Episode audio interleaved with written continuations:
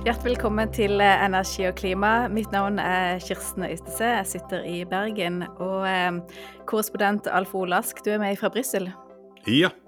Du, For en uke siden så gikk eh, Russland til krig mot eh, Ukraina. Til tross for at uh, verden har fulgt med på Putins styrkeoppbygging i uker og måneder før invasjonen, så er det mange som ikke trodde Russland kom til å gå inn med en sånn styrke og brutalitet. Verden har reagert med massiv fordømmelse og sanksjoner. Hvordan vil du beskrive de siste dagene i Brussel? Det har vært preget av eh, hektisk møtevirksomhet, og det har også vært eh, preget av en eh, besluttsomhet som vi knapt har sett tidligere. Jeg tror aldri man har gjennomført så omfattende sanksjoner på så kort tid som det man nå har gjort på EU-siden sammen med USA, Storbritannia, Canada, altså G7-landene. Uh, og den siste kom jo her om dagen, da man da kastet ut uh, syv store russiske banker fra dette Swift, dette betalingsformidlingssystemet. Uh, noe som bare for noen uker siden nesten fremstod som utenkelig. Så, og I tillegg til det, det som skjer i EU, så har man jo da hatt Nato, hvor generalsekretær Jens Stoltenberg eh, jo også har spilt en betydelig rolle.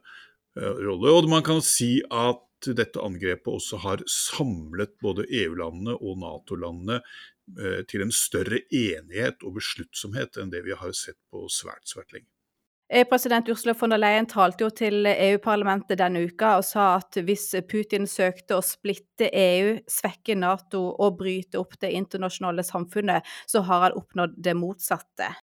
If Putin was seeking to divide the European Union, to weaken NATO, and to break the international community, he has achieved exactly the opposite. We are more united than ever, and we will stand up in this war. That is for clear that we will overcome and we will prevail. We are united and we stay united. Er EUs handlekraft sterkere enn vi er vant til å se fra unionen? Ja, det, det, tror jeg man kan si på svært mange år. EUs eh, e handlekraft og evnen til å stå sammen har jo liksom gått litt i bølgedaler, da, historisk eh, sett. Man pleier å si at EU kan man sammenligne litt med en sykkel. Eh, hvis den stopper, så velter den. Du må liksom holde den i gang hele tiden. Men farten har jo har vært, og det har vært store tilbakeslag i forbindelse med grunnlovsavstemningen i 2005 osv. Men, men det er ingen tvil om at Eh, Putin har klart å, å, å, samle verdenssamfunnet. Og Du så jo det i en annen ting, nemlig avstemningen i uh, hovedforsamlingen i FN uh, for kort tid siden. Uh, det, er en, det, er en, samstemt verden som, som fordømmer dette. For oss i Energi og klima så er det jo særlig krigens konsekvenser for energimarkedene og for klima- og energipolitikken som vi tar for oss. Eh, og nå snakkes det jo særlig mye om at energipolitikk er sikkerhetspolitikk. Det er sagt før. Det var også et viktig budskap da Russland annekterte Krim i, tilbake til 2014. Eh, men Europa ble jo ikke noe mindre avhengig av Russland etter 2014 likevel, snarere tvert imot. Hva er annerledes nå? At det er en full krig. De har eh, angrepet et helt eh, land. Eh, og det er innført omfattende økonomiske eh, sanksjoner som kommer til å ramme den, eller ikke bare kommer til, det har rammet den russiske økonomien. og den kommer også, eh, Nå er jo sanksjoner et tveregga sverd, så det kommer jo til å føles ganske tydelig for oss som, som bor i Vesten eh, også. Men det er en helt annen situasjon, en helt annen dramatikk nå enn det det var eh, i forbindelse med, med, med Krim. Men du har helt rett. Hvis du ser på antall standard kubikkmeter, så har eh, den eh, russiske gasseksporten fra 2014-2015 og fram til i dag økt. Eh, og EU har også importert mer LNG, altså flytende nedkjølt gass som kan fraktes på skip fra Midtøsten og fra USA. Men dette har jo ikke klart å dekke opp for det bortfallet av innenlandsproduksjon i EU, nemlig at gassproduksjonen i land som spesielt Nederland og Storbritannia har sunket drastisk. Norge eksporterer jo det remmer og tøy kan holde, og har ikke noe mer gass å, å, å tilby denne situasjonen. Og det, så, Sånn sett så er dette dramatisk, fordi eh, gassen fra Russland utgjør et eller annet sted mellom 35 og 40% av importen til EU. Og EU vil jo være avhengig av eh, russiske leveranser i lang tid, selv om de ønsker å, å bli mindre avhengig, er ikke det riktig? Ja, i utgangspunktet er det det. Nå har de lagt noen planer rett nok for å kunne klare å, å fylle opp lagrene med LNG. Eh, I hvert fall å klare seg fram til 2023. Og så eh, får vi jo da eh, se. Eh, det skjer jo ting på energisiden i EU. Eh, alle de tingene er jo ikke like bra. F.eks. så fyres det jo nå opp kullkraftverk. Det var eh, første gang i 2021 at utslippene fra kraftsektoren i, i EU gikk opp. Det er jo fordi man nå bl.a. fyrer med kull. Og Neste uke så skal eh, kommisjonen etter planen legge fram en eh, ny energiplan, der målet er en sikker energiforsyning til eh, akseptable priser. Du har lest utkastet til denne planen. Hva inneholder den? Den inneholder en lang lang rekke tiltak. For det første så inneholder den liksom en videreføring av de støttepakkene som man har til industri og til husholdninger, som hardt rammes av de skyhøye energiprisene du har i EU nå. Det er jo 24 av EUs 27 eh, medlemsland som har innført eh, denne type tiltak. Så eh, skal de satse på utbygging, ikke minst av solkraft, som har faktisk hatt et lite tilbakeslag nå i, i det siste året. Rett og slett fordi at høye energipriser, høye råvarepriser og problemer med logistikk altså transport, har gjort at, eh, at, man faktisk eh, har måttet utsette eller rett og slett legge på is konkrete solkraftprosjekter. I tillegg til det så satser man jo da på lavkarbonløsninger, og man så Hele liksom underliggende her er å øke den innenlandske energiproduksjonen og gjøre seg da på sikt mindre avhengig av gass. Og selv om det ikke er en del av denne planen, så kommer det nå helt sikkert også til å bli, og det ser vi allerede eh, tendenser til, en diskusjon om videreføringen av atomkraften i flere av EUs eh, medlemsland. Mm. Og når du sier at de skal satse på sol, og at sol ikke er blitt bygd ut så mye som man hadde forventa eh, det siste året, hva konkret er det de gjør for å endre på dette? Nei, De skal bl.a. Uh, løse en del sånne flaskehalser når det gjelder liksom godkjenning av slike prosjekter. De uh, ønsker en betydelig satsing for å bruke hustak og tak på forretningsbygg, offentlige bygg og slike ting. Uh, for, til sol. De har en eller annen beregning som sier at de kan dekke noe sånt som en fjerdedel omkring en fjerdedel av elektrisitetsforbruket i EU dersom man gjør dette. Og det er mye mindre omstridt enn å begynne å bygge store sånne solpanelparker eh, rundt om, eh, omkring. Som, som, jo også vil være et eh, inngrep i naturen, på samme måte som eh, vindmøller er det.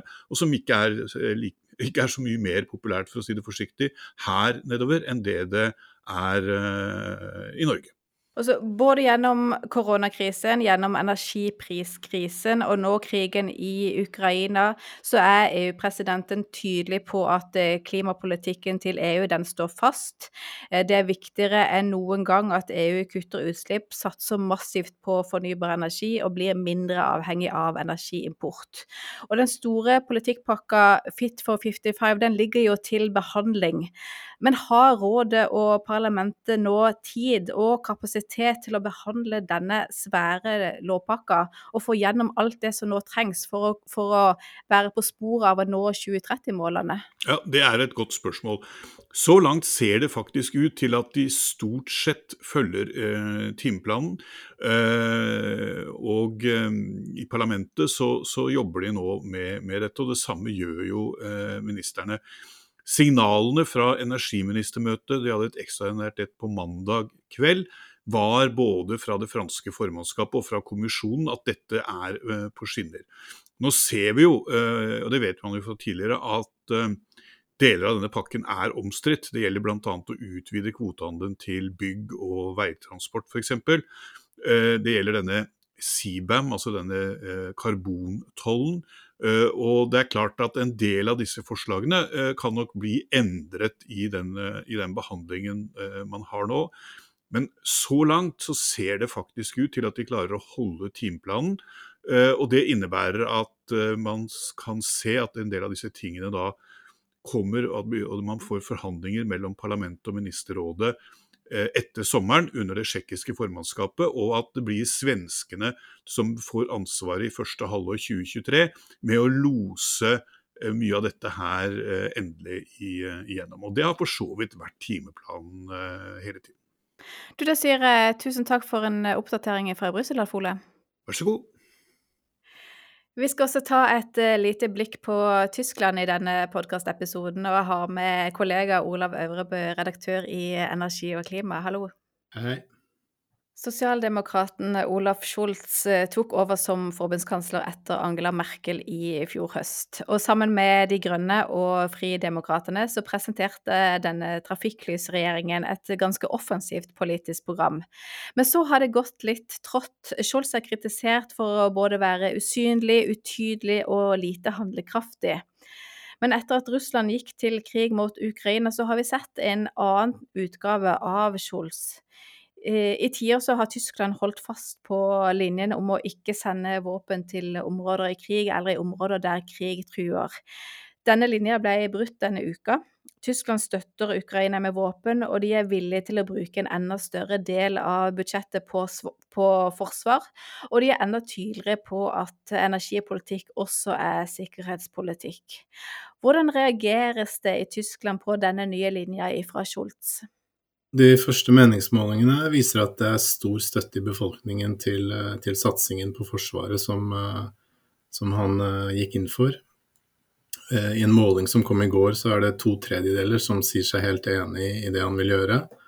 Og partipolitisk har også Scholz bred støtte, for i tillegg til regjeringspartiene er de store opposisjonspartiene CDU, CSU for, det, for satsingen på Forsvaret, mens partiene på venstre og høyre fløy er skeptiske eller mot. Nå syns jeg det er verdt å nevne hvor rask og spesiell prosessen var fram mot den talen som Scholz holdt på søndag. Uh, innholdet ble utformet i løpet av noen timer på, på, lørdagen, og ikke engang de sosialdemokratiske representantene i parlamentet, altså i Scholz sitt eget parti, hadde blitt orientert om, om det på forhånd. De hørte dette for første gang i talen. Eh, så er jo spørsmålet om støtten vil holde seg eh, etter den første dag, eh, de første dagene og i den spesielle situasjonen vi har nå. I SPD er det tradisjonelt en venstreorientert fløy som står sterkt, som er negativ til høye forsvarsutgifter, og egentlig negativ til mye av det, den endringen som kom nå. Så trolig vil det komme mer kritikk fra dem etter hvert. Eh, allerede i går var det en kjent eh, SPD-politiker som var ute i et debattprogram på TV og kritiserte det at de, Tyskland nå leverer våpen til Ukraina. Ble det rett og slett tatt litt på, tatt litt på senga? Ja, eh, det var Det er åpenbart sånn. Men altså, det, rekkene har vært sluttet, absolutt, etter talen. Men, men nå er det jo Heretter da, så skal jo alt dette gjøres om til praktisk politikk. Det skal lages budsjetter for å, følge det opp osv. Så, videre, så det kan absolutt ikke utelukkes at det blir strid om dette framover. Mm. Og så er det jo ikke bare forbundskansleren som har vært veldig tydelig i språkbruken denne uka. Også finansminister Christian Lindner eh, beskrev eh, fornybar energi som frihetsenergien under en tale til, eh, til de tyske parlamentsmedlemmene på, på søndag. Og så er det her er det fire ting som er interessant å legge merke til om den tyske regjeringens kommunikasjon rundt hvordan de nå prioriterer klima og energi. Eh, det ene er jo hvor raskt og hvor kraftig Tyskland vil satse på fornybar energi. Og så det andre er at de åpner for mer bruk av kull i en overgangsperiode. Så det tredje poenget er at de ønsker å eh, ha mottaksanlegg for LNG og det fjerde spørsmålet er om de også endrer noe på atomkraftpolitikken. Hvis vi tar det siste først. Tyskland er i ferd med å fase ut all kjernekraft. De siste anleggene skal stenges ned i løpet av 2022. Denne politikken den har ligget bom fast. Kan krigen i Ukraina føre til at Tyskland vil beholde noe atomkraftkapasitet lengre enn planlagt? Ja, først har jeg lyst til å si at uh, denne utfasingen av atomkraft har uh, først og fremst blitt kritisert fra utlandet, ikke i Tyskland. Der har det vært veldig stor enighet om å gjøre dette. og F.eks. har også energiselskapene selv akseptert avviklingen for lengst og sagt at ikke de ønsker å, å eh, starte opp igjen på noen som helst måte. Så for en ukes tid siden så ville jeg sagt at det er helt uaktuelt at dette kommer til å bli endret på. Men nå går det ikke an å være skråsikker om, uh, om dette heller. Robert Habeck fra De Grønne, altså den såkalte superministeren for klima og energi, han er også visekansler i regjeringen. Han sier at uh, departementet undersøker nå om det gir mening å forlenge levetiden til de gjenværende tre atomkraftverkene som er i drift. da. Foreløpig så har de kommet til at det at det er så teknisk vanskelig å stoppe den avviklingsprosessen nå, bl.a. med de råmaterialene de trenger til, eh, til, driften, at det ikke kommer til å skje. Men det er ikke noen endelig beslutning som er tatt om det, så det, det er på bordet. Eh, ministerpresidenten i Bayern var ute i går og sa at han heller ville la eh, atomkraftverkene drives videre, det er ett av dem står i Bayern, enn å brenne mer kull. Eh, samtidig så er det viktig å ha med seg at atomkraft bare sto for 12% av Tysklands eh, strøm i, i, fjor. Og det kommer til å bli enda mindre i år, siden de stengte flere verk ved årsskiftet. Men bare det at det i hele tatt eh, er mulig å diskutere om, om sluttåret faktisk skal være i år, det er jo ganske spesielt egentlig i Tyskland? Ja, det er absolutt det, og det er helt nytt. Ellers har det vært har vært eh, sett helt sikkert ut at de kommer til å, følge planen og stenge de siste ved nyttår. Og så er det kull, da, som du har vært inne på. Så Tyskland hadde jo et mål om å fase ut kull først innen 2038. Og så har den nye regjeringa ønska å skyve dette frem til 2030. Men hva skjer med, med kullet nå, kullkraftproduksjonen? Ja, eh, hvis gassleveranser uteblir, eh, så sier Habek nå at eh, en del av løsningen er å la kullkraftverk drive lenger enn de hadde tenkt, eventuelt starte opp i en kraftverk som eh, nå står i reserve. Og Det er jo selvfølgelig en dramatisk eh, sak, særlig for en politiker fra De Grønne. Men nå går forsyningssikkerheten foran alt annet. Habek Habeck sier selv at de må se dette på en maksimalt pragmatisk måte. Eh, det siste kullkraftverket er lovfestet at det skal stenges i 2038. Men eh, den nye regjeringen ville fremskynde det til 2030. og det, Eksperter sier jo at det er helt nødvendig for å klare klimamålene. Men eh, nå spørs det om de kan klare det. da, og Mer kullkraft, det vet vi jo. Det betyr, betyr selvfølgelig også at det blir vanskeligere å, å, å kutte utslippene. Men er det sånn at uh, altså selv De grønne uh, kan være villige til å beholde kull lengre? Ja, det er jo det han sier. Uh, her er det ikke noe snakk om detaljer og datoer ennå, men det ligger jo inne i det de, regjeringen foreslår, at de vil bygge opp beredskapslagre av kull og gass. Så er det gass, da. For det, um, Tyskland vil eh, bygge to nye LNG-terminaler for å kunne ta imot flytende gass.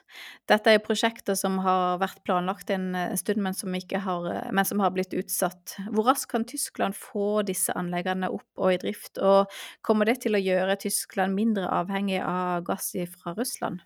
I talen på søndag så nevnte Scholz to anlegg konkret. Et i Brunsbüttel i Schleswig-Holstein og et i Wilhelmshafen i, i Niedersachsen. Og dette er anlegg som har vært uh, i diskusjon i flere år, men planene har ikke blitt noe av, bl.a. fordi de ikke har vært sett som lønnsomme. Nå sier energiministeren i Niedersachsen da muligens noe optimistisk at det anlegget i Wilhelmshafen kan komme i drift fra 2024. Uh, eh, en grunn til at det ikke har blitt noe av til nå, er at Tyskland har, har et så godt uh, utbygd nett av gassrørledninger så de har ikke sett behovet for å ha egne LNG-anlegg. LNG som, som, skal til Tyskland, tas i land i f.eks. Belgia og Nederland og går så videre til Tyskland i rørledninger. Men uh, her er enda et område hvor uh, prioriteringene er, blir annerledes nå. Uh, avhengigheten av Russland er det nok litt tidlig å si noe om nå, men det øker jo i hvert fall kapasiteten på, på LNG-mottaket i EU og samlet, og det gir Tyskland muligheter til å uh, få, finne nye leverandører, diversifisere ytterligere. Og så legitimerer de også delvis disse anleggene ved at de på sikt ikke nødvendigvis skal ta imot LNG, men de kan ta imot f.eks. hydrogen eller kanskje også biogass. Det er helt riktig. Det, det er nok en veldig viktig eh, ting, eh, særlig for de grønne, at de skal eh, fra begynnelsen av være klare til å ta imot grønt hydrogen, som jo Tyskland allerede har eh, veldig store planer om å importere store mengder av fra bl.a. Afrika. Og så Det siste poenget, hva Tyskland nå gjør med satsingen på fornybar energi. Og Hvis vi ser tilbake på regjeringserklæringen, som jo er relativt fersk, så har eh, den tyske koalisjonsregjeringa et mål om at 80% av strømbehovet skal dekkes av fornybar energi i 2030. Nå ligger også dette an til å endres på. Hva er det Tyskland eh, ser ut til å skulle sikte mot nå? Ja, eh, tyske medier har meldt at regjeringen eh, er på vei med et lovforslag som, som de skal eh, komme med i neste uke. Og Der eh, vil de gå inn for at eh, all strøm i Tyskland skal komme fra fornybar energi innen 2035.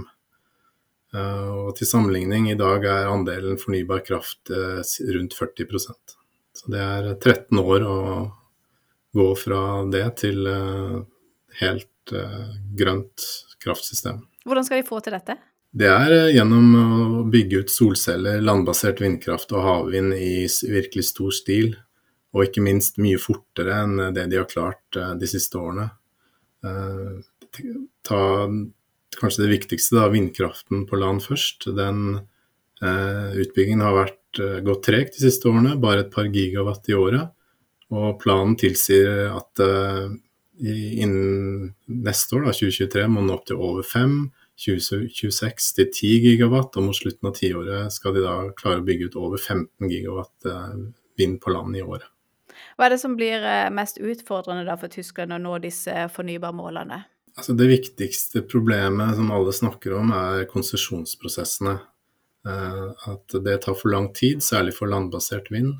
Det går rett og slett år, år og dag fra et prosjekt egentlig er godkjent til til det kommer i, i, drift, eller utbyggingen skjer ikke i det hele tatt. Det er også veldig vanskelig å få gjort den nødvendige utbyggingen av kraftnett for å få transportert uh, denne vindkraften rundt om i landet. Så dette her er regjeringen bare nødt til å få gjort noe med hvis den skal ha noen som helst sjanse til å nå de, de målene vi akkurat snakket om. Da. Og samtidig, klart, de kan ikke bare overkjøre lokale motforestillinger som det er mye av, og, og legitime hensyn som naturvern, som regjeringen også er opptatt av. Eh, ikke sant? Så Habek skal selv reise rundt i landet og ha dialogmøter. Han hadde vel så vidt begynt på dette før denne krisen kom, så får vi se hva de får til eh, om det, da.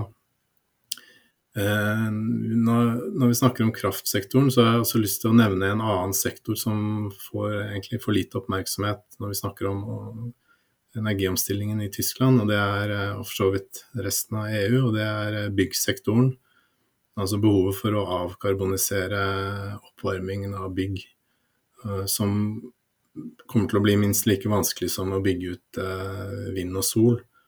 Eh, varmesektoren står for en fjerdedel av klimagassutslippene i Tyskland. Og i dag så fyres fem, altså halvparten av boligene med gass og en fjerdedel med olje, faktisk. Oljefyring. Så her må det investeres eh, enormt i oppussing, renovering av bygg de siste årene. Det må komme en, en, enorm overgang til varmepumper, som for så vidt er i gang nå, men det må gå mye fortere.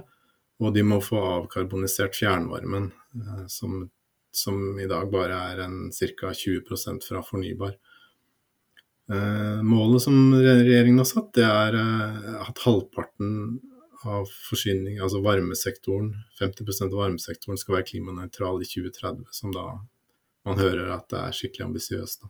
Men dette er vel egentlig eh, populært i seg sjøl, men det er kanskje mer spørsmål hvem skal ta regningen for, eh, for alt dette som skal renoveres? Ja, eh, det er åpenbart at det eh, vil koste mye i form av støtteordninger. Nå har de hatt støtteordninger for denne sektoren en, en, god stund, som er blitt veldig populære de siste årene. Men, men ja, eh, økonomi blir et tema, og også fagfolk, faktisk. Folk til å gjøre alle disse jobbene, både innenfor kraftsektoren og denne energieffektiviseringen av bygg. Det er noe som er bekymring over. Og bare for å få gangen i det, altså dette er en plan som regjeringen nå jobber med, som de planlegger å, å legge fram om kort tid og få den behandla i, i, parlamentet. Kan du si noe om hva som er forventa i, i, forhold til tempoet her? Ja, Det som de varslet allerede før i, i vinter, det var en, eh, en, prosess i to steg i første omgang, hvor de skulle komme med en pakke, som, altså den som kommer neste uke, eh, og så en ny eh, pakke med tiltak til sommeren. Så de, eh, målet er helt klart å få gjennom veldig mye av dette i år, sånn at de kommer på spor i større grad. Altså Før da invasjonen i Ukraina, så var det snakk om at uh, man nok ikke ville klare klimamålene for uh, i år og neste år, men at man deretter skulle prøve å komme på sporet. Nå kan jo det se vanskelig ut òg, men i hvert fall så ligger det ganske eh, omfattende utarbeidede planer fra før som de kan fortsatt få god bruk for. Du Olav da sier jeg tusen takk for en oppdatering fra Tyskland og tysk energi- og klimapolitikk. Bare hyggelig. Takk også til eh, du som lytter på. Abonner gjerne på Energi og klima i din foretrukne podkastapplikasjon. Takk for i dag.